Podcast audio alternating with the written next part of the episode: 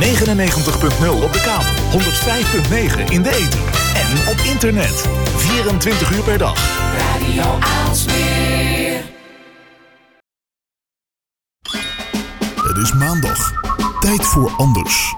Tijd voor scherpte en innovatie. Tijd voor blikopende radio. Met Wilg en Lennart. Maandagavond, het is uh, tijd voor Blikopener Radio aflevering 59. Mijn naam is Lennart Bader en vandaag is onze gast Bart Kloosterhuis. Uh, Bart is um, een van de oprichters van Vertellis. En dat bedrijf is op een missie om mensen dichter bij elkaar en zichzelf te brengen. En sinds uh, 2016 inspireren ze mensen over de hele wereld met online vraagkaarten, spellen en boeken. En juist in deze tijd is connectie natuurlijk extra belangrijk. Dus we zijn benieuwd naar het verhaal van Bart. Ja, dus uh, Bart gaat dat zo vertellen, denk ik. Uh, mijn naam is uh, Esther Gons, beter bekend als Ed Wilg. En verder in deze uitzending hebben we onze columnist Samara Salman. En zij test een aantal tools voor haar podcast en neemt ons mee in de vergelijkingen daarin. Nou, heel spannend. Um, ook natuurlijk nog de week van, waarin Esther bespreekt welke blikopeners de afgelopen week zijn opgevallen. Ja, en als afsluiter hebben we onze eigen columnist Dim, Dimitri Vleugel, die het wil hebben over 5G. Ja, en uh, de veelbesproken corona-apps. Hmm, nou, als dat maar goed gaat. Genoeg reden dus om te blijven luisteren naar uh, Blikopener Radio. Als je nog niet geabonneerd bent op de podcast, zoek dan gewoon op Blikopener in iTunes of op Spotify. of ga naar blikopener.radio. Daar staan ook alle links op. En als je suggesties hebt voor, voor gasten, altijd welkom. stuur een mailtje naar post.blikopener.radio. Hartstikke goed. Nou, daarmee dus um, uh, de opening afgehandeld. En tijd voor onze gast van vanavond. Zoals aangekondigd, Bart Kloosterhuis. Bart, goedenavond. Hoi, goedenavond. Nou, ja, het klinkt bijna een beetje als een open deur, maar uh, vertel eens. ja, die krijg ik wel vaker hoor. Ja, dat... ja waar wil je dat ik begin? Ja, Bij, wie, wie, wie, ben je en, en wat doe je zonder dat je meteen alles weggeeft? Uh, ik ben Bart, 30 jaar, uh, vader van een dochtertje van twee. En uh, nou ja, met veel plezier zijn wij nu een aantal jaren bezig om met vertellers wereldwijd mensen te bereiken. En eigenlijk mindfulness een beetje populair te maken. En ja, niet te zweverig. En het heeft mij in ieder geval mijn hele leven wel goed gedaan. Zelfreflectie en dergelijke. En ja, goede gesprekken met onder andere mijn familie of goede vrienden. En daar krijg ik nog steeds energie van. En ja, hoe tof dat wij dat nu met, uh, met een team, een leuk team, uh, de wereldwijd uh, ja, mogen verspreiden eigenlijk. En het gaat nog steeds goed, ondanks de, de coronacrisis. Dus daar ben ik ook heel dankbaar voor. Is, is het on, ondanks of, of dankzij, of misschien dankzij, wel? ja, dat wilde ik ook vragen. ja, ja, ja, dat is een goede vraag. Dat vind ik altijd lastig, allemaal aannames doen op trends. Maar we weten wel dat mensen nu inderdaad thuis zitten, online aankopen wel hè, op sommige branches zijn toegenomen. Um, en ja, ik denk dat heel veel mensen nu ook wel de behoefte zien van oké, okay, ga ik nu hè, dead time of zeg maar mijn tijd uh, weggooien of ga ik er nu wat nuttigs van maken en uh, stilstaan, reflecteren en, uh, en dat soort dingen doen. Ja, en, ik, ja, ik vertelde ja, vorige week al dat de yogamatjes bijvoorbeeld in, in verkoop gestegen waren online. Dus ik Oh, kan ja. me ook best iets voorstellen bij, bij dingen als zelfreflectie. Ja, ja, zeker. Onze notebooks. En uh, wat ook wel leuk is, om, uh, we, zijn dan begonnen met een, uh, een heel simpel kaartspel. Ooit nog op handgeschreven kaartjes dan met mijn eigen familie. Maar nu gelukkig een, een, echt mooi, een mooi kaartspel. Um, en ja, ook mensen spelen het ook online. Dus dat is ook wel grappig om te zien dat, ja, net als ik nu, met jullie via, via Skype klets, gebeurt het ook met ons kaartspel. Dus mensen zijn best wel innovatief en ja, zoeken toch die, die echte connectie in deze ja, social distancing ja, tijd waarin we nu zitten. Dus mooi om te zien. Ja, ja zeer zeker. Uh, we waren eigenlijk al van plan om je, om je veel eerder uh, te gast te hebben in, in de uitzendingen. Nou, schema's en zo, agenda's, dat, het kwam op vandaag uit. Hè, dus eigenlijk hadden we natuurlijk al voor de hele coronacrisis. ja, le leek het ons al interessant om, om het met jou of met jullie te praten zeg maar, over vertel eens. Um, ja. um, los van die hele crisis. Um, jullie geven ook aan van, nou ja, zorg nou voor offline verbinding. In plaats van alles alleen maar op je scherm te doen. Um, mm -hmm. waar is dat vandaan gekomen? Je, je, je tipte net al mindfulness aan. Ja, nou ja, ik, ik merkte zelf uh, om me heen uh, dat, dat veel mensen ja, steeds vaker op hun telefoon zitten en dergelijke. En uh, ja, meer oppervlakkige connectie en zoals het onderhouden met, via WhatsApp of dat soort dingen. ja, vaker doen dan ja, echt een diep gesprek hebben met mensen. En dat is een beetje mijn persoonlijke gevoel wat ik ja, vijf, zes jaar geleden had. En nou ja, gelukkig mensen om me heen die die, die mening ook deelden. En dat wilden wij eigenlijk een beetje op een speelse manier ja, doorbreken. Maar inmiddels, uh, we kijken ook naar nu, het hele offline stuk. We zijn ook wel, het is meer, offline is zeg maar een goede term, maar het is meer dat wij, dat echte connectie het belangrijkste is. En we zien nu zelfs dat dat ook via Zoom en Skype en dergelijke in deze tijd ook heel goed kan. Alleen ja, het gaat gewoon vooral om ja, durven diep gaan, je, jezelf durven blootstellen. Uh, aan de hand van ja, soms misschien wat pittige vragen of zelfreflectie of, of dat soort dingen. Dus ik denk dat dat meer de kern is dan on- of offline. Ja, en, dan is het misschien meteen ook een persoonlijke vraag. Maar je zei net al, ik, ik, uh, ik ben 30 en uh, vijf jaar geleden ben je bij, daarbij begonnen. Dat is, is, dat, is dat heel jong? Hoe kom je er dan bij om te denken van nou, we moeten toch echt wat, wat dieper met elkaar gaan, gaan verbinden? Was dat iets ja. waar je altijd al naar zocht? Of hoe ben je is daar dat ingerold? Jong? Ik weet niet. Er zijn ook, ik lees ook mooie dingen van, uh, nou, die ik dan jong vind. Gasten van 19 van een universiteit die, weet ik, van voor, voor, voor coole, coole dingen doen. Dus ja, het is maar net hoe je naar jong kijkt. Maar goed, om je vraag te beantwoorden. uh, eigenlijk, uh, ja, ik heb nooit gestudeerd. En uh, als ik dan terugkijk, heeft dat voor mij wel ja, veel teweeg gebracht. Omdat ik me wel wilde bewijzen, ook aan mijn ouders, weet je wel. Van, en, en de rest om me heen van, ja, oké, okay, ik ga niet studeren. Ik heb wel mijn gymnasium gedaan. Wel ietsje langer over gedaan hoor. Met een kleine kanttekening dus. Maar ik wilde gewoon niet studeren. En nou ja, veel veel boeken gaan lezen. En uh, ja, dan niet uh, je standaard uh, boekjes, maar ja, psychologie, filosofie, dingen die ik heel tof vond. En eigenlijk is daar wel een beetje dat inzicht uit ontstaan. En ja, misschien ook een stukje vanuit mijn ouders, mijn opvoeding. ja, ik denk dat. Toch ook weer zoals dus, ja. bijna alle ondernemers tegen ons zeggen: het is zo gekomen, ik ben er zo ingerold. Ja, ja, misschien wel. Ja, en ik vind het ook gewoon fascinerend. Ik heb, als ik had gestudeerd, dan had ik waarschijnlijk psychologie gestudeerd. Dus, uh, maar goed, ik heb het dus een soort van zelf ge, uh, gestudeerd. En ik vind dat gewoon fascinerend hoe mensen, ja, interactie en, en hoe, je, uh, hoe je mensen kan bereiken, hoe we denken. En ook nu, bijvoorbeeld mijn, mijn broer, die ja, heeft al, ja, heeft wat burn-out neigingen, zeg maar. Wat, wat vermoeidheidsverschijnselen. En heel veel vrienden om mij heen ook. Dus ik heb eigenlijk, zelf ben ik de dans ontsprongen door, ja, ik denk de juiste dingen te doen. Mentaal en fysiek uh, wil ik me altijd goed voelen, dus daar doe ik ook best wel veel voor. Maar ik zie gewoon heel veel mensen om heen die ja, wel die, die moeilijkheid, die geestelijke gezondheid daar last van hebben. Dus ja, ik denk dat daar ook een grote drijfveer voor mij zit van oké, waarom is dit zo? En hoe kan, hoe kan, wat kan ik doen om dit te verbeteren? En uiteindelijk is dat nou ja, ook een, deels daarom een bedrijfje geworden. En doen we dat nu gelukkig wereldwijd. Dat is helemaal tof. En, ja. en, en qua, ik vind het heel tof, maar qua voor, voorbeelden, want jullie hebben er echt producten bij gemaakt. Jullie hebben er ook dingen bij bedacht van, nou, wat kun je nou doen om, om mensen daarin te helpen? Ja, wat is je vraag? Nou ja, heb je, heb je een voorbeeld? Ik hoorde al een kaartspel voorbij komen. Oh ja, nee, ja zeker. We zijn begonnen met, uh, uh, vertellen is eigenlijk ontstaan uit een behoefte om, om meer uh, begrepen te worden vanuit mijn ouders en ik. Uh, ja, we hadden gewoon een stukje miscommunicatie altijd. En ik dacht, oké, ik ga met kerst een keer een kaartspel ontwerpen. Uh, waarin ze mij dus moeten vragen waarom ik niet studeer, waarom ik uh, nou, de wereld over wil reizen. Nou ja, vul in. en dat is eigenlijk heel goed bevallen. En, en, het ging niet eens om mij, maar het ging juist om als familie kwamen we gewoon dichter bij elkaar. Um, en zo zijn we eigenlijk begonnen met een spel voor de feestdagen. En dat hebben we dan echt gemaakt via een crowdfunding. Um, en nou, heel veel mensen deelden die mening. Hè? Meer, meer connectie in deze digitale samenleving. En uh, toen dachten wij al snel, ja, we laten het niet bij één spel. Want, of uh, bij alleen een spel voor kerst. Uh, ik zie ook best wel veel mee dat partners, relaties, mensen die hard werken, door de week laat thuiskomen, moe zijn, op de bank zitten, Netflix gaan kijken. En in het weekend moeten ze wat leuks doen. Um, ja, dan blijft er ook weinig tijd over voor een goed gesprek. Dus dat was eigenlijk de tweede stap. En uh, ja, derde, ja, educatie heeft me ook altijd gefascineerd, ondanks ik niet had gestudeerd, of heb gestudeerd.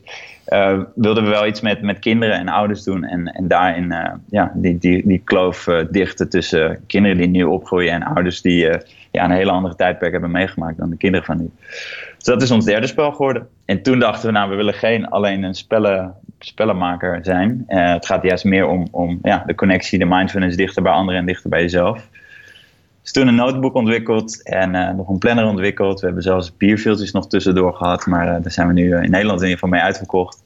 en nu ook, ja, waar, waar ik heel trots op ben op dit moment is onze online cursus. Die we hebben gelanceerd over ja, geluk, de no-nonsense happiness course. Dus hoe we eigenlijk geluk ja, niet zweverig en heel tastbaar en maakbaar maken. En ja, dat vind ik ook heel cool. Dus buiten dat doen we ook workshops en ja, steeds meer, steeds breder en in het buitenland. Dus heel cool hoe dit allemaal groeit. We trekken gewoon wel toffe mensen aan met, met onze missie. Die denken, hey, kan, ik, kan ik jullie helpen? En, of bij jullie werken of, of whatever. En ja, dat is denk ik wel ook wel een beetje de kracht. Wat, wat, wat is kort samengevat jullie missie, als je hem in een zin zou moeten doen? Nou, mensen dichter bij zichzelf in elkaar brengen. Dat willen wij wereldwijd te stimuleren. Dus uh, ja, hoe beter jij in je vel zit door ja, zelfreflectie, je trauma's of whatever te, ja, te over durven bij stil te staan en, en op te willen lossen. Uh, ja, hoe gelukkiger jij wordt en hoe gelukkiger je ook de mensen om je heen maakt. en op die manier proberen we eigenlijk een klein, ja, hopelijk een keten rond de wereld los te maken. Dat mensen gewoon beter in hun vel gaan zitten. En nou ja, mensen dichter bij elkaar brengen aan de hand dus van onze spellen door ja, betere communicatie en goede vragen. Hm. En als, als ik nou, nou, Esther en ik zitten hier in de studio en wij zouden een spel van jou spelen. En dan, dan ja. trek ik een kaart en daar staat een vraag op voor Esther. Of hoe werkt dat? Ja, ja, ja, het ligt aan welk spel je hebt. Maar laten we het even bij ons eerste spel houden. Die, uh, die is ook ons meest populaire spel. Uh, de feestdagen-editie. Of nu heet het gewoon uh, Vertel eens. Ja, um, ja je trekt... het gaat, je kan winnen, maar het gaat niet om winnen. En er zijn regels, maar de regels boeien ook niet. Dat is ook een beetje hoe wij bij Vertellen zijn. Weet je, ja. Het maakt niet zoveel uit, maar het is er wel. Je, je kan het gewoon doen.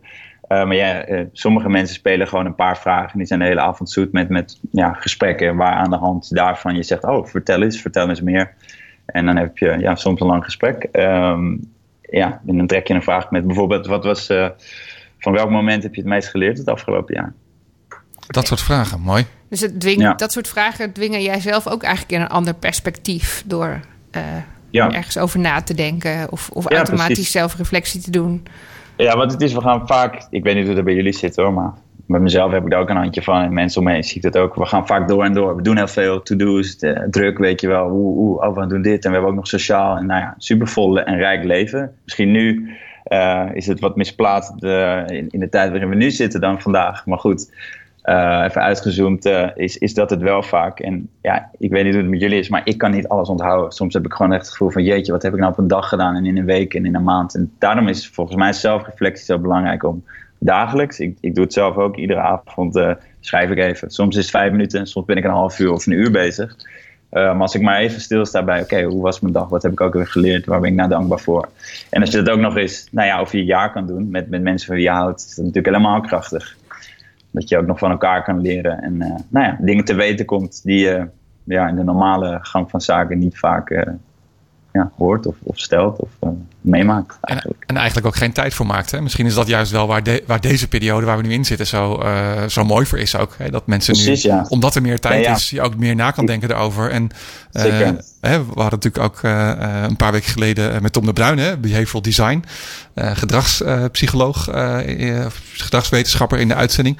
En die ook vertelde hoe je inderdaad nou ja, een nieuw gedrag kunt aanleren, hoe je nieuwe um, uh, ook eh, open gaan staan voor nieuwe dingen nu. En wat jij bijvoorbeeld noemt van aan het eind dankbaar zijn voor de dag. Hè, doe ik zelf ook sinds een tijdje. Gewoon even benoemen van welke drie dingen deze dag waren nou uh, mooi. En ja. Tom gaf ook toen aan van nou, dat, dat is ook een manier voor jezelf om um, hè, als je je hersens zeg maar als het ware voor traint. Hè, om ook stil te staan bij die dingen die mooi waren aan zo'n dag. Hè, dat dat maakt ook dat je hele gemoed zeg maar daar, daarin ja, positiever wordt. Ik weet niet hoe, goed hoe je het uitleggen, maar je snapt wat ik bedoel. Denk. Ja, nee, ja. ja, zeker weten. Dit, dit, dit, wat je nu beschrijft zit ook in ons, uh, ons uh, best verkochte dagboek uh, Vertel eens Chapters. Waarin je eigenlijk, nou ja, met hele simpele vragen onwijs veel krachtige dingen mentaal kan doen. En als je dat ook nog eens consistent blijft doen, dan kan je er ook een gewoonte inderdaad van maken. En ja, ook echt neuroverbindingen in je brein ja, anders laten lopen. Waardoor je dus gewoon ook echt gelukkiger wordt. En dat is gelukkig inmiddels ook wetenschappelijk ja wordt dat ondersteund. Dus uh, het is niet uh, geen zweverig gedoe meer of gek of zo. Ja, ik kan zeggen, dat is, uh, dat is wel fijn. Dat, dat vind ik wel tof. Maar dat is natuurlijk op zich ook wel heel, juist nu heel belangrijk, hè, dat je jezelf opnieuw uitvindt. Want het is natuurlijk best een gevaar dat je nu stilstaat bij de verkeerde dingen. En wat er allemaal mis kan gaan, uh, wat, we mis, wat we allemaal mislopen, uh, mm -hmm. uh, wat allemaal niet kan of niet mag. Ja. Dus ja, ik, ik, kan me voorstellen dat juist nu die, die, dat, dat jezelf opnieuw uitvinden nog veel belangrijker wordt of is. Denk je dat dat, dat, dat dan ook een andere trigger nodig heeft? Is, of is, zijn die methodes dan nog steeds van toepassing of juist van toepassing nu? Nu denk ik uh, dat het zeker erg handig is als je hier goed in bent. Ik denk wel als je hier, ja, als je gewoon uh, het sowieso wel moeilijk vindt, dan. dan uh, ja, wat ik eigenlijk wil zeggen is, ik merk wel een beetje nu met sommige media en dergelijke van, ja, je moet er nu het beste van maken, dit is je kans, et cetera. En daar geloof ik ook weer in van, laten we inderdaad deze tijd dat je thuis zit effectief benutten. Alleen ik heb ook zoiets, laten we ook niet te veel druk op leggen. En uh, inderdaad kijken naar de mooie dingen. Maar ja, ook wel erkennen dat het, het is wel gewoon even gek. Weet je wel, dat mogen we ook best wel met ze zeggen. Laten we niet te maken van je mag, je moet alleen maar positief denken. En alles is mooi en goed. En kijk nou, en de lucht is zo blauw, er vliegen geen vliegtuigen meer. Wat is chill, dat vind ik ook heel tof. Alleen uh, ja, weet je, sommige, ik, ik heb zelf heel veel massa hoor. Familie die goed zit en uh, mijn bedrijf. En uh, nou ja, dat, dus, dus dat is prima. Maar er zijn ook genoeg mensen die, uh, ja, die mogen wel even balen, toch? Vind ik. Zeker. Dat, nou ja, dat, ja. dat, dat juist heel goed om je dat te beseffen af en toe ook. Zo, dat je, dat je ja, ook mag balen, dat, dat je tegen mag zitten. Precies, en zodra je dat dus eerst doet, denk ik dat je dan ruimte gaat hebben voor oké, okay, fuck, de situatie is een beetje shit en hoe ga ik nu, oké, okay, wat kan ik inderdaad doen? Hoe kan ik mijn situatie verbeteren? Waar ben ik inderdaad dankbaar voor? Wat zijn de mooie dingen in mijn dag, in mijn week? ja. Dat, en, uh, en misschien soms ook, dat wij daarbij kunnen helpen. Ja, nou, en soms ook gewoon, wat ik zelf merk, gewoon accepteren ook als het een dag, een keer niet je dag is, dan, dan is dat even zo. Hè? En dan weet je dus dat ja. er vanzelf weer een betere dag komt, dat het weer mooi wordt. Ja, ja ik had het laatste paasweekend, vond ik heel gek.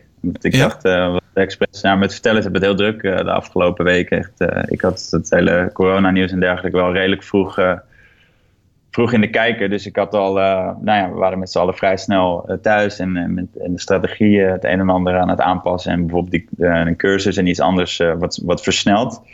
Um, en toen hadden we zoiets, oké, okay, laten we eindelijk eens vrij nemen. Laten we dan met paasweekend doen. Oké okay, jongens, we zijn allemaal, allemaal vrij. En nou, ik weet niet, ik verveelde me ook gewoon een beetje. Het was een heel gek heel gek weekend of zo. Want eigenlijk is alles hetzelfde. Mijn omgeving, hetzelfde huis in Haarlem. En uh, ja, je, doet je dingetje en zo. Maar er viel dan toch wel weer wat weg. En uh, ik weet niet, ik werd er een beetje onrustig van. Dus het is ook wel weer de, ja, gekke dingen die je dan meemaakt. Dus dan heb je inderdaad even minder weekend. Dan reflecteer ik dan ook weer op waarom is dat? Wat ga ik de komende week beter doen? Nou ja, en dan ben ik ook extra dankbaar voor nou ja, die drukke periode met vertellen is. Want het is eigenlijk stiekem wel een hele leuke bezigheid iedere dag. Dus dus ja, kom erop. Met nog meer werken. ik kan me voorstellen dat je daar veel energie van krijgt. Als je mensen blij kan ja, maken, ja. dat is natuurlijk tof. Ja, nee, zeker. Dat heb ik ook iedere dag hoor. Dat, uh, daarom. Maar ja, dan, dan, leer je weer door zo'n minder momentje uh, het weer meer te waarderen daarna. Dus dat is wel cool, vind ik altijd. Hm. Als je erbij stilstaat, hè. En dat doet niet iedereen dus, maar... Zeker. Is het, uh, uh, had je vroeger als kind ook al uh, dit als neiging? Ja, je antwoordde heel mooi van wat, wil je, wat wilde je vroeger worden? Daar had je een mooi antwoord op. Ja, dat je het een beetje eigenlijk niet zo'n goed idee vindt als mensen die dat, dat uh, aan kinderen opdringen. Dat je iets zou moeten willen, vroeger al. Ja, ik vind, meer dat we moeten vragen. Vertel eens. Voor, nee, ik vind meer de, wat voor persoon zou je moeten worden. In plaats van uh, een bepaald beroep uh, aan kinderen aanpraten. Zo ja, even gechargeerd gezegd. Maar ja? ja, ik vind dat niet de juiste insteek. en helemaal niet in de tijd van nu, waar je ziet dat alles verandert. En iedere week, iedere, iedere maand heel veel nieuwe beroepen erbij komen. En ja, dat dat gewoon heel moeilijk is te doen. Dus juist wat voor persoon ga je worden? En dan als we wat ouder zijn, misschien wat voor waarden wil je hebben? Wat vind je belangrijk in het leven? En dat, je, dat we dat soort vragen onze kinderen stellen. Ik denk dat dat, uh, ik weet niet hoe jullie dat vinden, wat jullie daarvan vinden überhaupt, dat ik dit zeg. Nou, nou ja, dat is op zich natuurlijk een hele mooie qua waardes en instelling. Maar dat voorkomt natuurlijk niet dat, dat je kind af en toe roept... maar ik wil gewoon Superman worden of oké, okay, of... Uh, brandweerman. brandweerman of uh, Zeker, dat wil ik ook. Of dat soort dingen. Ik wilde spion worden, geloof ik. Staat nog in mijn kinderboekjes... Uh, Nee, tuurlijk. Maar dan heb ik het over een iets oudere doelgroep ook natuurlijk. Op een gegeven moment, uh, als de tijd daar rijp voor is, dan, uh, bedoel, mijn dochter wil nu nog steeds prinses worden. Nou, dat ga ik helemaal niet. Uh... Nee. En dat mag niet. Je mag er geen prinses worden. Nee. Nee, maar, maar, verder herken ik dat wel. Ik bedoel, ik heb aan mijn kinderen ook uitgelegd. Uh, we weten helemaal niet wat voor beroepen er straks zijn. Dus ik wil dat je gewoon nu jezelf leert leren en, en uh, nou ja, blij wordt van wat je doet. maar dat, dat, is natuurlijk, dat kan pas als we wat ouder zijn, want dat is natuurlijk heel abstract. Ja, eigenlijk. Nee, klopt. Dus Ja, natuurlijk, eens. Ja. Eens, stap voor stap. Wij hebben ook een, eh, een dagboekje ontwikkeld voor kinderen met eh, eh, eigenlijk vanaf, vanaf zes. Ik geloof dat je dan ja, toch wel iets meer de diepgang kan hebben. En sommige kids die zijn vijf en vier, die, die hebben iets, iets meer voorsprong. En sommige iets later. Maar wij hebben gewoon gezegd vanaf zes. En ook daarin dat soort vragen aan het einde van de dag. Dat je met vader of moeder samen met je kind opschrijft. Wat heb je geleerd vandaag? Wat, wat vond je leuk? En eh, nou ja, dat soort, eh, dat soort vragen. Dus dat je het eigenlijk al heel vroeg aanleert dat dat een, dat soort ritueel Ja. wordt. Ja, precies. Dus eh, ja, ik zou het zelf heel tof vinden als alle ouders, dat, of heel veel ouders in de wereld dat zouden doen. Want ik denk echt dat, nou ja, dat voor de nieuwe generatie, waarin eh, die best wel veel dingen mogen gaan bepalen en oplossen en verbeteren voor ons en de generaties voor ons. Dus ik denk dat dat wel een mooie boost kan zijn om, eh, om de wereld uiteindelijk eh, de goede richtingen te helpen. En, eh, daarom doen we dat ook met vertellers. Dus vandaar ook onze focus op kinderen, onder andere. Om dat voor iedereen een, een, een ritueel voor, van de dag te laten zijn.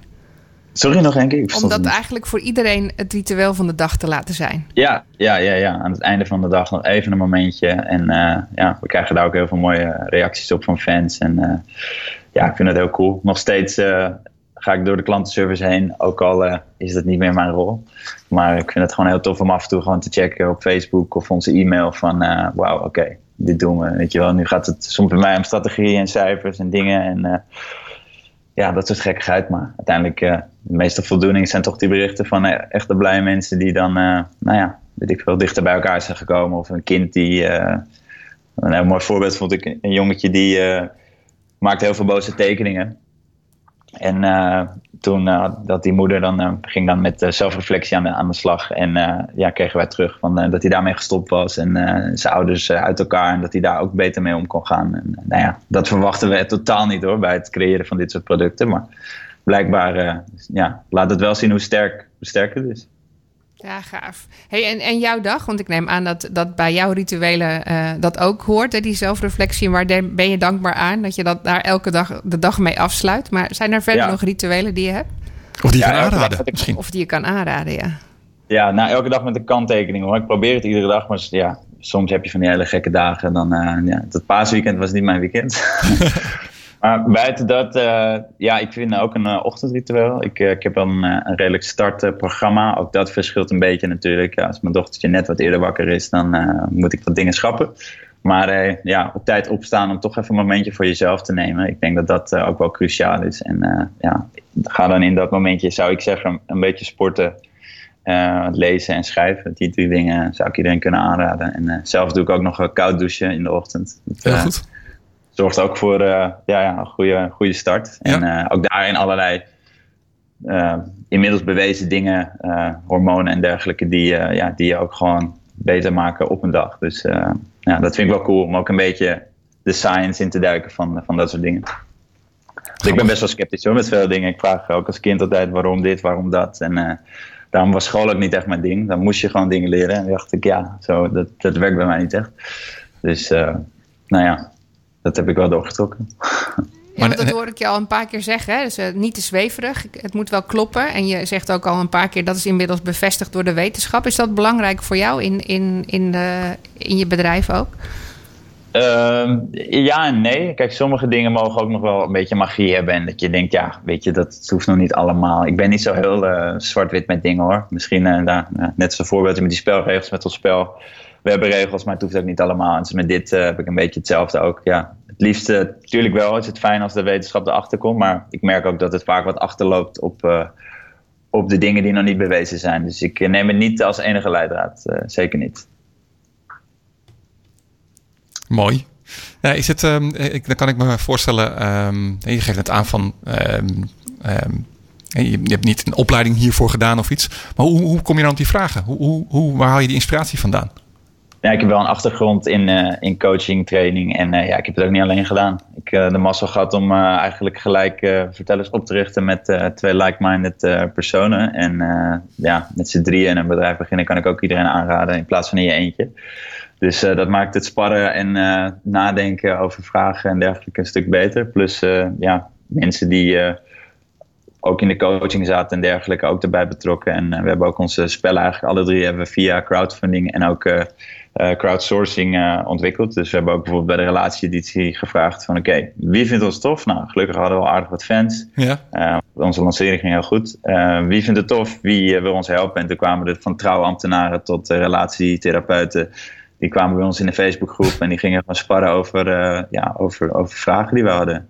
Dus ja, heel tof om het vanaf het begin af eigenlijk met zoveel mogelijk, mogelijk mensen te doen. Ja, en uiteindelijk is er wel één iemand die die keuzes maakt, of is dat, hoe gaat dat?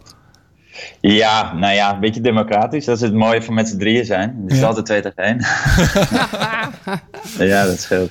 Ja, maar die community is bij jullie heel belangrijk. Om dat in ieder geval met, met mensen af te stemmen, te testen, het draagvlak te vinden, maar ook, ook uh, gehoor te vinden. Dat, dat hoor ik steeds terugkomen. Is dat, is dat een, groot onderdeel van jullie, van jullie bedrijf eigenlijk? Ja, zeker weten. We doen heel veel aan ook communicatie. Als je, als je een product bij ons koopt, vind ik het gewoon heel belangrijk om uh, nou ja, je, je ook te weten dat jij weet wie zijn wij, wat is onze missie. En andersom ook, uh, ja, ik, ik beantwoord nog steeds mails van klanten of klantenfans eigenlijk. Omdat wij gewoon heel toegankelijk willen blijven. En ja, is soms een uitdaging, hè, hoe meer je groeit. Maar tot nu toe gaat het ons wel goed af. Dus ja, uiteindelijk doen we het voor die mensen. Dus waarom, ja, waarom zouden we dat niet blijven doen? Mooi. waar wil je naartoe? Wat is je, je stip op de horizon? Uiteindelijk, uiteindelijk ons uh, uitdagende doel is dat wij 10% eh, van alle huishoudens in de wereld een van onze producten daar komt te liggen. En waarom? Omdat volgens Malcolm Gladwell, die de tipping point heeft geschreven, dat je dan eigenlijk een, een tipping point in, in iets creëert. En in dit geval, ja, tipping point in mindfulness en zelfreflectie zou denk ik heel goed zijn voor de wereld en de toekomst van de wereld. Dus dat is een beetje ja, 10% van uh, de huishoudens. Dus vandaar ook dat we bijvoorbeeld direct na jaar 1 naar Amerika en Duitsland hebben geopend. En doen daar is Vertellers ook nog steeds actief. Dus nou ja, India stond voor dit jaar op de planning, maar dat moeten we nog even zien hoe alles gaat lopen. Maar we blijven nog wel doorgroeien. En, en hoe heet het in het buitenland dan? Ook vertel eens? Of heb je dan een soort lokale... Ja, daar hebben we, hebben we ook lang... Uh, dat was een wat moeilijker uh, kiezen hoor. Dan uh, vragen we ja of nee. nee. Dit was wel de lastigste denk ik. Ja. Maar nee, we hebben vertellers gehouden. En uiteindelijk ook een goede keuze geweest. Mensen vinden het ook grappig. En in het buitenland leggen we wel uit. Vertel eens means tell me more in Dutch. En gelukkig liggen wij als Nederland goed in de, ja, in de wereld nog. Dus mensen vinden het niet vervelend. Dus ja, is leuk maakt het ook een beetje kneuterig misschien en toegankelijk. En, uh, nou ja, ja, of heel exotisch, want het is een buitenlandse naam. Dat kan natuurlijk ook. Precies, in Amerika zijn ze gek op uh, Europe en uh, Dutch. dus ja, wat dat betreft werkt dat weer in ons voordeel. Bij Duitsland hadden we een beetje twijfels van... oeh, gaan die de, de, de buren wel leuk, kleine broertje wel leuk vinden op die manier. Maar ook dat is positief. tot nog toe. Ja, mooie milestone ook. 10% eh, impact maken op de hele wereld. Uh, ja. Uh, voor mensen hier, waar kunnen ze nog meer vinden van, van jullie producten? Um, ja, vertellers.nl. Uh, we hebben een Instagram pagina, die is wel in het Engels, uh, omdat we nou ja, ook internationaal dus zitten. Uh, Facebook uiteraard. wat ik zelf heel leuk vind, wij sturen iedere vrijdag een vrijdagvraag. Die schrijf ik en, en, de andere mensen van ons team. En dat is eigenlijk een zelfreflectievraag. Om je aan het denken te doen zetten over je week of over je komende week of over je maand, whatever. En dat is helemaal gratis, dus zoek het even op op onze website. klik eventjes wat rond en dan kom je er denk ik wel vanzelf op onze blog. Uh, dat vind ik in ieder geval heel leuk. Dus mocht iemand denken na het luisteren, wauw, ik wil iets meer, zou ik daar gaan starten. Mooi. Misschien een goede afsluiter. Wat was de vraag van afgelopen vrijdag? Weet je wow. nog? Nee, nee, nee. Eerlijk, uh, ik, ik, ga niet liggen. Dat weet ik niet. Ik heb ze wel uh, geschreven, maar ik had er gelijk een aantal gedaan. Twee of drie. en ze zijn wel met, ja, volgens mij... Nee, ik weet het niet. Maar in ieder geval gaat het over... heb je, heb je een mooie je... vraag als afsluiter? Misschien dan laat het dan omdraaien. Nou ja, ja oké. Okay. Ja, overval me misschien een beetje, maar nee, ik eh, zit vol met goede vragen hoor. Um, nou, ik, ik, ik denk zelf, um, ik, ik ben zelf veel aan het nadenken over wat je nou kan. Uh, wanneer is het goed om dingen te accepteren en wanneer moet je nou inzetten om wel te veranderen? Hè? Als je heel erg uh, naar het heel erg boeddhisme neemt, is alles acceptatie. Nou, ik geloof ja, daar op zekere hoogte wel in, maar ook weer niet. Ik vind het ergens ook wel weer mooi dat wij juist dingen kunnen oplossen, verbeteren en je levensomstandigheden kunnen aanpassen. Dus um, misschien dan een mooie vraag om mensen mee te geven. Welke dingen, kleine dingen zou je kunnen veranderen en welke kleine dingen zou je de komende tijd beter kunnen accepteren. Wat mooi. Hey Bart, dat, uh, dankjewel voor, je, voor de, je bijdrage in deze uitzending. Yes, graag gedaan. Jullie succes. Dankjewel. Thanks. Doei. He told me that he loved me more than most. That he could be the one to take me home. Be the everything that he could want. He told me that he loved me more than most. Been looking for an material love. Soon as I find it, I'll be fucking it up, bring it up. Like I ain't made a mess here often enough. Not enough, not enough, not enough, not enough, no, no, no. Well, no one ever showed me how to be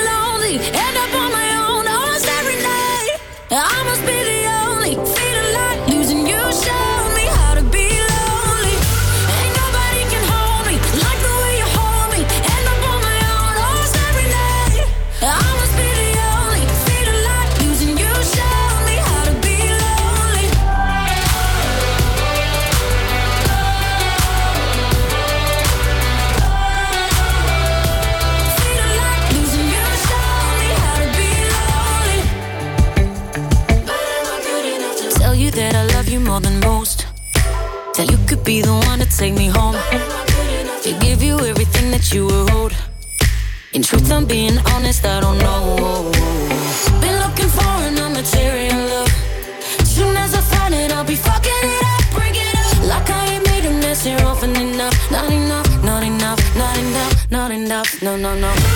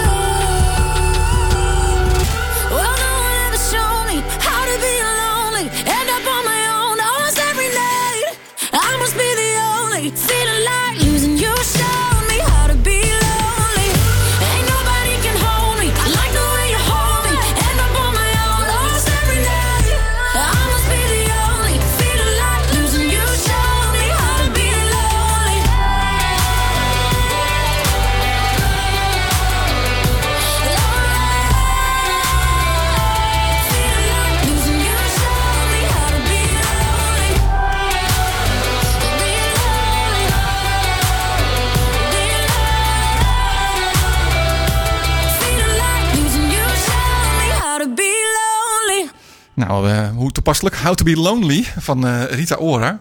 Nou, lonely is natuurlijk iets anders dan eh, eenzaam. Hè? Dat zijn natuurlijk twee verschillende, eh, twee verschillende dingen. Ehm, ja, wel een beetje scherp blijven natuurlijk. Het is de tijd voor eh, onze eerste columnist van vanavond, Samira Salman. Samira, goedenavond. Hoi hoi. Hoe is het daar? Ja, Zeemold. Zeemold, Zeemold. We zit- we zitten weer in je huiskamer. Ja, Hey, precies. Eh, jij testte eh, afgelopen week voor je podcast wat tools. Ja. En dat eh, ga je ons nu. eh, heb je reviews over? ja, reviews. Ik heb er eh, drie getest, maar sowieso wil ik even beginnen met dat het überhaupt kan.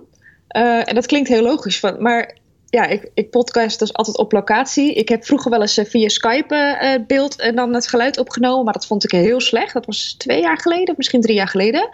Ehm, en ik vroeg dus laatst op Twitter van ja, wat zijn, dat moet toch mogelijk zijn online, hè? we zijn nu allemaal online bezig. Wat is een goede oplossing daarvoor?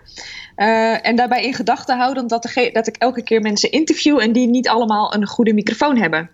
Eh, want anders zijn daar ook nog wel allerlei oplossingen voor. Ja. En echt wel onhandig, maar ik gebruik dus, eh, ik wist het dus niet, maar ik gebruik Anchor om ehm, eh, mijn podcast te publishen. En dan is het gewoon, ik kon gewoon heel makkelijk iemand uitnodigen via de mobiele app om deel te nemen aan het gesprek. En dat geluid klonk ook best. Het was net of je aan het bellen was, maar dan natuurlijk via internet. Ehm, en dat is ook echt iets wat ik anders niet had uitgezocht. Dus ik vond dat best wel cool. Dus dat was wel, wel handig. Eh, alleen, eh, nou, ik zou het zelf niet aanraden als je Anchor verder niet gebruikt, om alleen maar voor het bellen. Eh, en er waren niet zoveel functionaliteiten verder. En ehm, nou ja, op Twitter kreeg ik nog twee tips. Riverside kwam twee keer naar voren, ook door de Dim getipt. Ja. Ehm, maar eerst even over Zencaster, want die gebruik ik ook. En die heb ik ook drie interviews mee gedaan. Ehm, Het lijkt een beetje op wat je in Anchor kan doen. Dus iemand kan inbellen, maar dan via de desktop. Ehm, en er waren ook heel veel mensen op Twitter die zeiden: ja, waarom gebruik je niet gewoon Zoom of Teams? Ehm, maar het is natuurlijk niet bedoeld om een podcast mee op te nemen. Uh, en Zencast is op zich wel heel basic, maar het geeft ook precies wat je nodig hebt om te doen. Uh, dus je kan uh, mensen uitnodigen, ook meerdere mensen. Je ziet gewoon een linkje of een mailtje. Um, je kan eerst gewoon eventjes voorbespreken en dan op rec record drukken. mocht er nou eventjes hè, internet uitvallen, want je bent wel afhankelijk van internet, dan kun je eventjes een notitie maken van hier moet je knippen. Vond ik zelf wel heel handig. je kunt mensen muten en ze kunnen een handje opsteken. Dus dat is wel een beetje vergelijkbaar met online meetings. Ja. Um, en je kan even chatten. Dus mocht het geluid uitvallen, dan kan je met elkaar chatten. En dan kun je ja, ook nog wat, wat instellingen doen. Maar je kan bijvoorbeeld twee tracks krijg je dan. Dus hè, twee stemmen kun je uh, opslaan. En je kan nog post-production doen. En die heb ik uh, later pas getest. Maar dat werkte eigenlijk ook best wel goed. Dus dan maakt hij eventjes alle piekjes, haalt hij er dan uit. Um, dus ja, ik ben eigenlijk wel enthousiast erover. Dus het is natuurlijk niet de kwaliteit die ik heb op locatie. maar voor nu is het goed genoeg. Ja, want daar heb ik natuurlijk helemaal niet over nagedacht. Want ik dacht, ja, podcast tools. Uh, en mensen kopen natuurlijk nu, zie je ook uh, allemaal dure uh, microfoons. Om zelf ook ja. goed te klinken tijdens meetings. Maar dat kan natuurlijk helemaal niet nu. Als je, als je die podcast ineens op een andere manier moet opnemen. En de ander ook online zit. Dus ja, dan ben je precies, afhankelijk ja. van, de, van de microfoon aan de andere kant eigenlijk. Ja, want dat zeiden dus tegen mensen. Ja, het beste is om het allebei gewoon een gesprek met elkaar aan te gaan en lokaal op te nemen. En ik, ja, wat een gedoe. Dan moet ik, ook, moet ik dan een microfoon gaan opsturen naar mensen. Zo moet ik dan. Dat is veel te ingewikkeld. Ja. Dus dit was een hele mooie oplossing. En uh, blijkbaar dus dat er meerdere zijn. En misschien nog veel meer hoor. Ik heb er niet de hele research naar gedaan. Ik wilde gewoon het, iets dat werkte. Uh, wat ik ook fijn vond van Zencast is dat je een gratis versie hebt en een uh, betaalde versie voor als je er meer mee wil doen. maar uiteindelijk wilde ik ook Riverside even testen. Uh, en wat me daaraan opviel, ik heb eventjes een kort testbelletje gedaan met iemand. Uh, die heeft ja, ongeveer dezelfde functionaliteit als Zencaster. Uh, maar je kan er ook mee videobellen. Uh, en dat kan bij Zencaster niet. Dus dan kun je uh, elkaar zien. Dus dat vond ik best wel tof. Je kan ook je scherm delen. Dus je kan inderdaad slides laten zien. Of wat je ook wil laten zien. Um, en zij zijn heel erg gericht op... Uh, nou, je kunt er vaste gasten uitnodigen. Dus die die de hele uitzending bij zitten. Maar je kan ook allemaal mensen laten inbellen. Um, en je kan het livestreamen op social media. Dus dat is best wel tof voor als je grotere producties doet. dat je er gewoon meerdere mensen bij kan betrekken. En het live kan streamen. Dat soort dingen. Um, dus ja, ik weet verder niet veel van Riverside, maar ik vond dat wel, dat is echt wel een professionelere of een uitgebreidere tool, moet ik eigenlijk zeggen. Mooi. Dus ja, het kan gewoon allemaal. Best ja. wel cool. Een hoop, hoop inzicht weer afgelopen week opgedaan dus. Ja, en ik, ik, ja, ik vind het dus bijna te stom om te delen. En ik denk, ja, maar ik moest het ook eventjes vragen op Twitter dat zoiets bestaat, weet je wel. Dus ik dacht, nou, dan heb ik er vast uh, misschien nogal meer mensen mee getipt. En, en hoor je nou ook dat het geluid misschien op een of andere manier verbeterd wordt? Van welke van de tools vond je daar wellicht iets, iets uh, positiefs aan? Dat er misschien de software al iets, nou, iets... Wat ik heel tof vond, ik heb uh, wat uitgebreider getest. En wat me daar opviel is dat ik bij een uh, gesprek met slechte verbinding... dat ik uh, iemand eventjes, die viel weg. En toen heb ik haar onderbroken. En zeg van, oh, kun je dat nog even opnieuw doen? Want ik raakte in paniek. en toen deed ze dat, maar daarbij raak je natuurlijk helemaal de flow en de draad kwijt. En knippen wordt heel ingewikkeld. En ehm, toen de tweede keer toen ze uitviel, dacht ik... Nou, ik zie wel, ik laat gewoon doorpraten en ik zie wel wat er gebeurt. Maar ze nemen dus, dat heb ik met Zencaster uitgezocht... Ze, slaan eerst het bestand lokaal op. En daarna, als je klaar bent met opnemen, gaat het naar Zencaster op de website. Dus toen ik het terugluisterde, was haar hele gesprek gewoon wel opgenomen. Ja, dat is heel slim. Ze nemen het, het lokaal is aan op. haar kant, ja. Ja.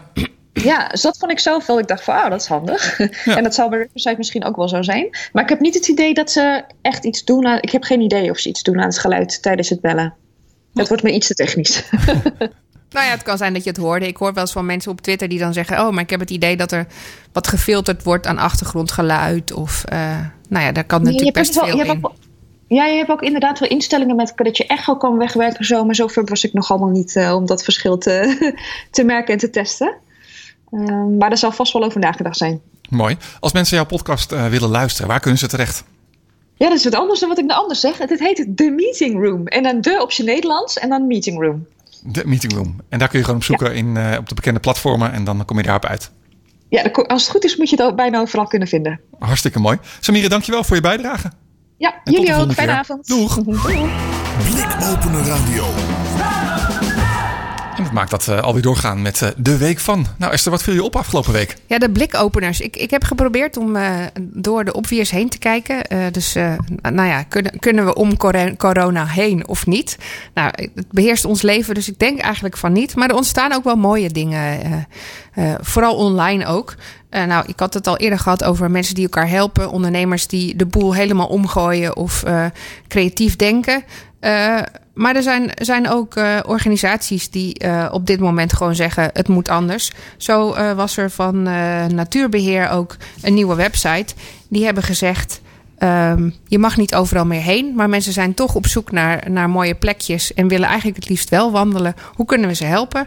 Uh, nou, die hebben een aantal vrijwilligers met een trackercam op weg gestuurd. Een enorme rugzak met accu en meerdere camera's. Oh, een, een tracker, niet een, een tracker. tracker, een tracker. een rugzak waar meerdere camera's op zoeken. Daar waren ze al mee bezig, maar nu staat het allemaal keurig op een rijtje. Ja. Uh, en die hebben ze door gebieden laten lopen. Uh, zodat het ook voor Google Street View toegankelijk is. Ja, heb ik wel eens gezien. Dat zijn hele mooie routes. Dat zijn hele vaak. mooie routes. En nu staat er keurig op Natuurbeheer, Natuurmonumenten ook een lijstje met eigenlijk tochten die je kan doen door hun natuurgebieden. Uh, die je gewoon via Google Street View dan kan doen. Uh, en, en daar zitten ook een aantal URL's in van webcams. Bijvoorbeeld van broedende lepelaars of andere uh, beschermde vogels. Hm. Zodat je thuis in de tuin of op je balkon in de zon kan zitten. En dan toch ook van de natuurgebieden kan genieten. Wat mooi.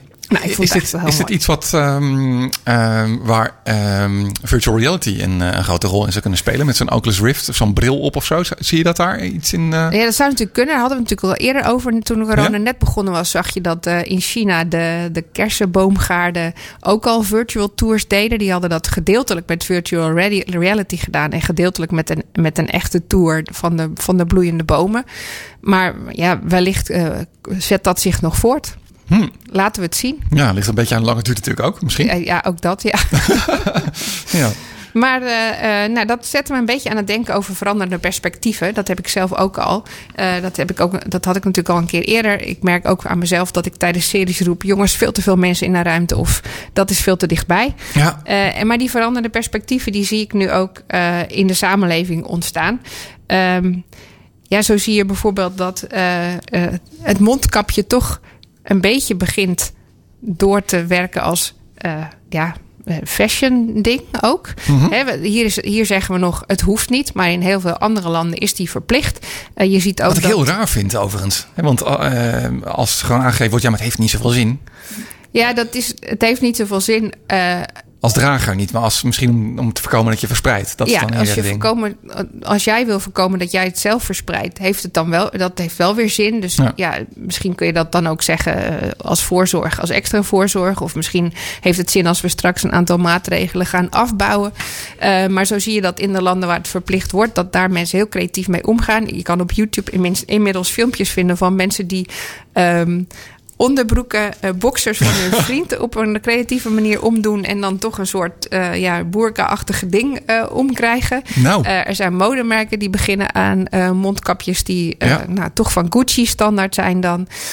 ik zag dat de president van Hongarije voorbij kwam in een hele mooie outfit met volledig bijpassend mondkapje in dezelfde kleur. die heeft dat gewoon in haar fashion statement ingebouwd inmiddels. Um, maar goed, ook voor de gewone mondkapjes ontstaan er in steeds meer nieuwe dingen. Zo zag ik ook een jongen voorbij komen die um, met een 3D-printer aan de gang was gegaan. Want er waren familieleden die zulke zere oren kregen van de mondkapjes. Omdat zij dag en nacht aan het werk waren met die dingen. En dan zitten die elastiekjes om je oren. Dus hij had een soort verlengstukje voor achter je hoofd bedacht. In Ja. plastic met meerdere uh, haakjes waaraan je de elastiekjes dan vast kan maken, zodat ze niet altijd meer achter je oren hoeven te zitten. En toen dacht ik van ja, zo zijn er natuurlijk meer dingen die we straks misschien normaler gaan vinden. Hè, behalve mondkapjes. Hoe zeg je elkaar dan nu gedag? Uh, ik zag allemaal artikelen over moeten we dan een Japanse groet gaan doen. Uh, de, de, Arabische moslimgroep uh, groet dus op je hart, je hand. Ja, dat is ik, ook mooi. groet, ik groet zelf met de Live Long and Prosper Star, Star Trek uh, groet. Uh, ja, wie weet komen hier wel hele andere gewoontes uit. Dat, dat vond ik wel heel mooi. Ja, dat we dus ook op die manier onszelf aan het aanpassen zijn. En ja, verder ging het vooral over de corona-app in mijn timeline. Die is vorige week natuurlijk al aangekondigd door de overheid. Uh, dat dat misschien een optie is. Ze zeggen van ja, het is nog wat ver, weg. Een vaccin is ook heel ver weg. Maar stel nou dat we een aantal maatregelen zonder dat vaccin ook al zouden kunnen versoepelen door het gebruik van technologie. Uh, hè, want als wij bijvoorbeeld van iemand weten. Um, met wie die in aanraking is geweest en diegene is dan uiteindelijk besmet, dan wordt het daardoor makkelijker om die andere mensen waar die mee in aanraking is geweest uh, te kunnen isoleren en, en uh, daardoor ook uh, te voorkomen dat er een, een, volgende golf komt. Nou ja, dat idee, daar is de overheid mee ook aan de slag gegaan. En, en nou goed, mijn, mijn timelines stonden bol van de corona-app afgelopen week. Ehm, nou, dat was ook niet best over het algemeen. Nou ja, er zijn dingen uh, die ik eigenlijk wel bijzonder vind van de overheid. Uh, goed bedoeld, goed over nagedacht. Maar er waren natuurlijk ook heel veel kritieken. Want het is natuurlijk sowieso lastig om in een week al met een goed idee te komen. Laat staan met een, met een begin van een app waar heel goed over nagedacht is. Met een solide achtergrond.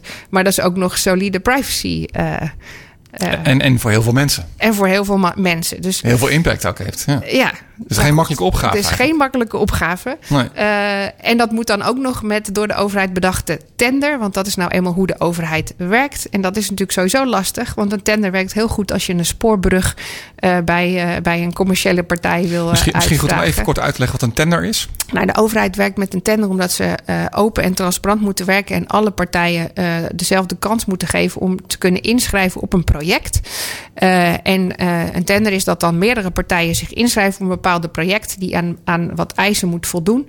En dan kan de overheid uh, kiezen op basis van prijs en uh, nou ja, een aantal uh, projectuitwerkingen. ja. Nou ja, en dat, is, dat kan met, een, met iets wat vrij fixed is. Hè, dus iets wat vaststaat, een spoorbrug of een nieuw viaduct. Maar dat is gewoon wat lastiger met iets waarvan je helemaal niet weet uh, hoe dat, welke kant het op gaat, hoe dat moet en, en hoe je dat verder moet uitwerken. Dus dat, dat was al een uitdaging. Ja, dat kan me uh, voorstellen. Dat, ja, dus, uh, maar goed. dat losten ze vervolgens op met een appeton. En nou ja, daar kwam dus nog meer, nog meer op. inmiddels hebben we volgens mij Dimitri aan de telefoon. Want ik heb er wel. Hallo, hallo, hallo. Ik heb er best heel veel mening over. Maar misschien is dat leuker om daar eens met z'n tweeën over te hebben. Dat lijkt me zeker goed plan. ja, inderdaad. Ik, ik, um, um, uh, nou goed, uh, vanwege Android World heb ik al heel lang te maken met apps. En ik denk dat er nog nooit zoveel te doen is geweest rondom apps. En zeker omdat nu uh, de regering zich ermee bemoeit. Ik heb vanmiddag eventjes die video's teruggekeken over die appathon.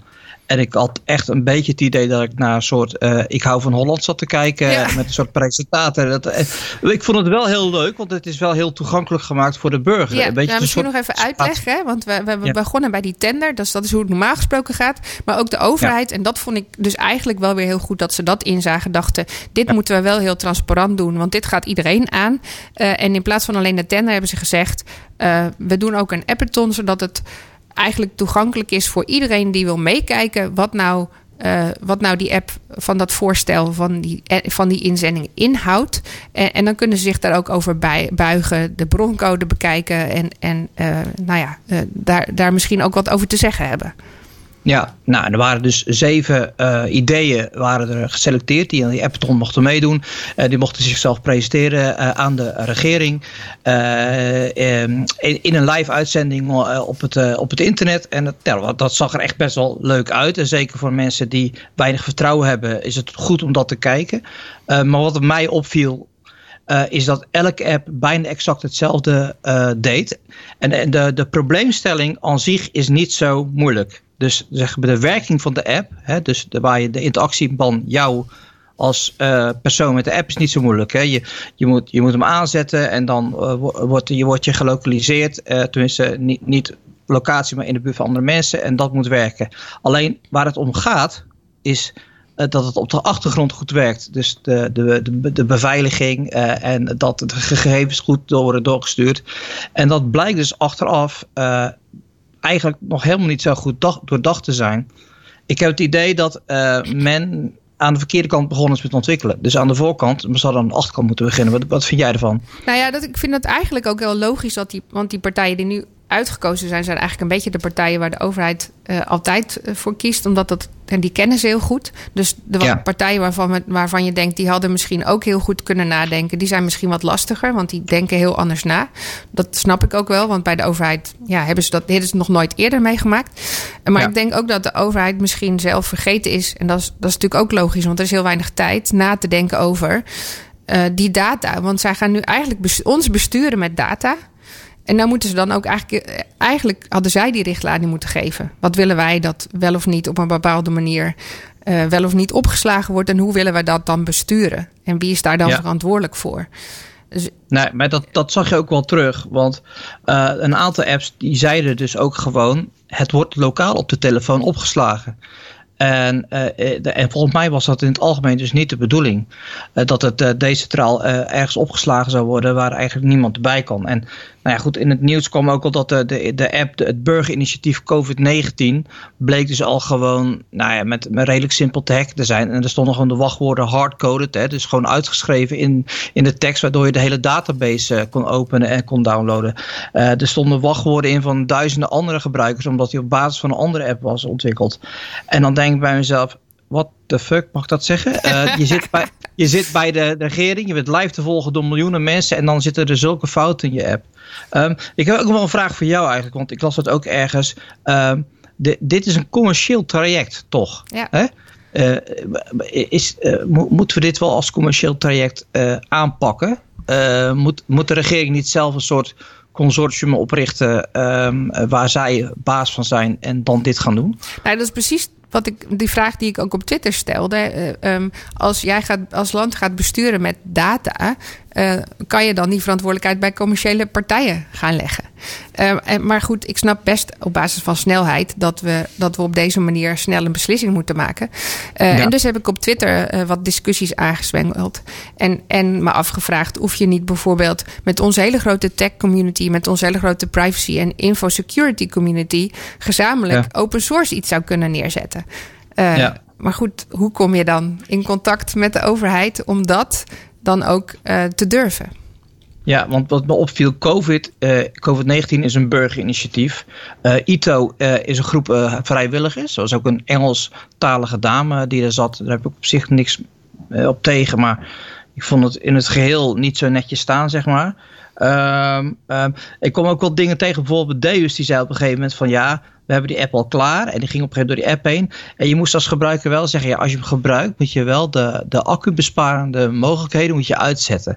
Dat is nou net precies waar je een smartphone verkoopt tegenwoordig, dat de accu lang meegaat. Nee, maar die moet je uitzetten, want anders krijg je problemen met een app die op de achtergrond loopt. Dus niet bij elke uh, telefoon, zomaar vooral bij de, bij de Chinese huurwijtelefoons en dergelijke. En dat vond ik wel uh, opvallend.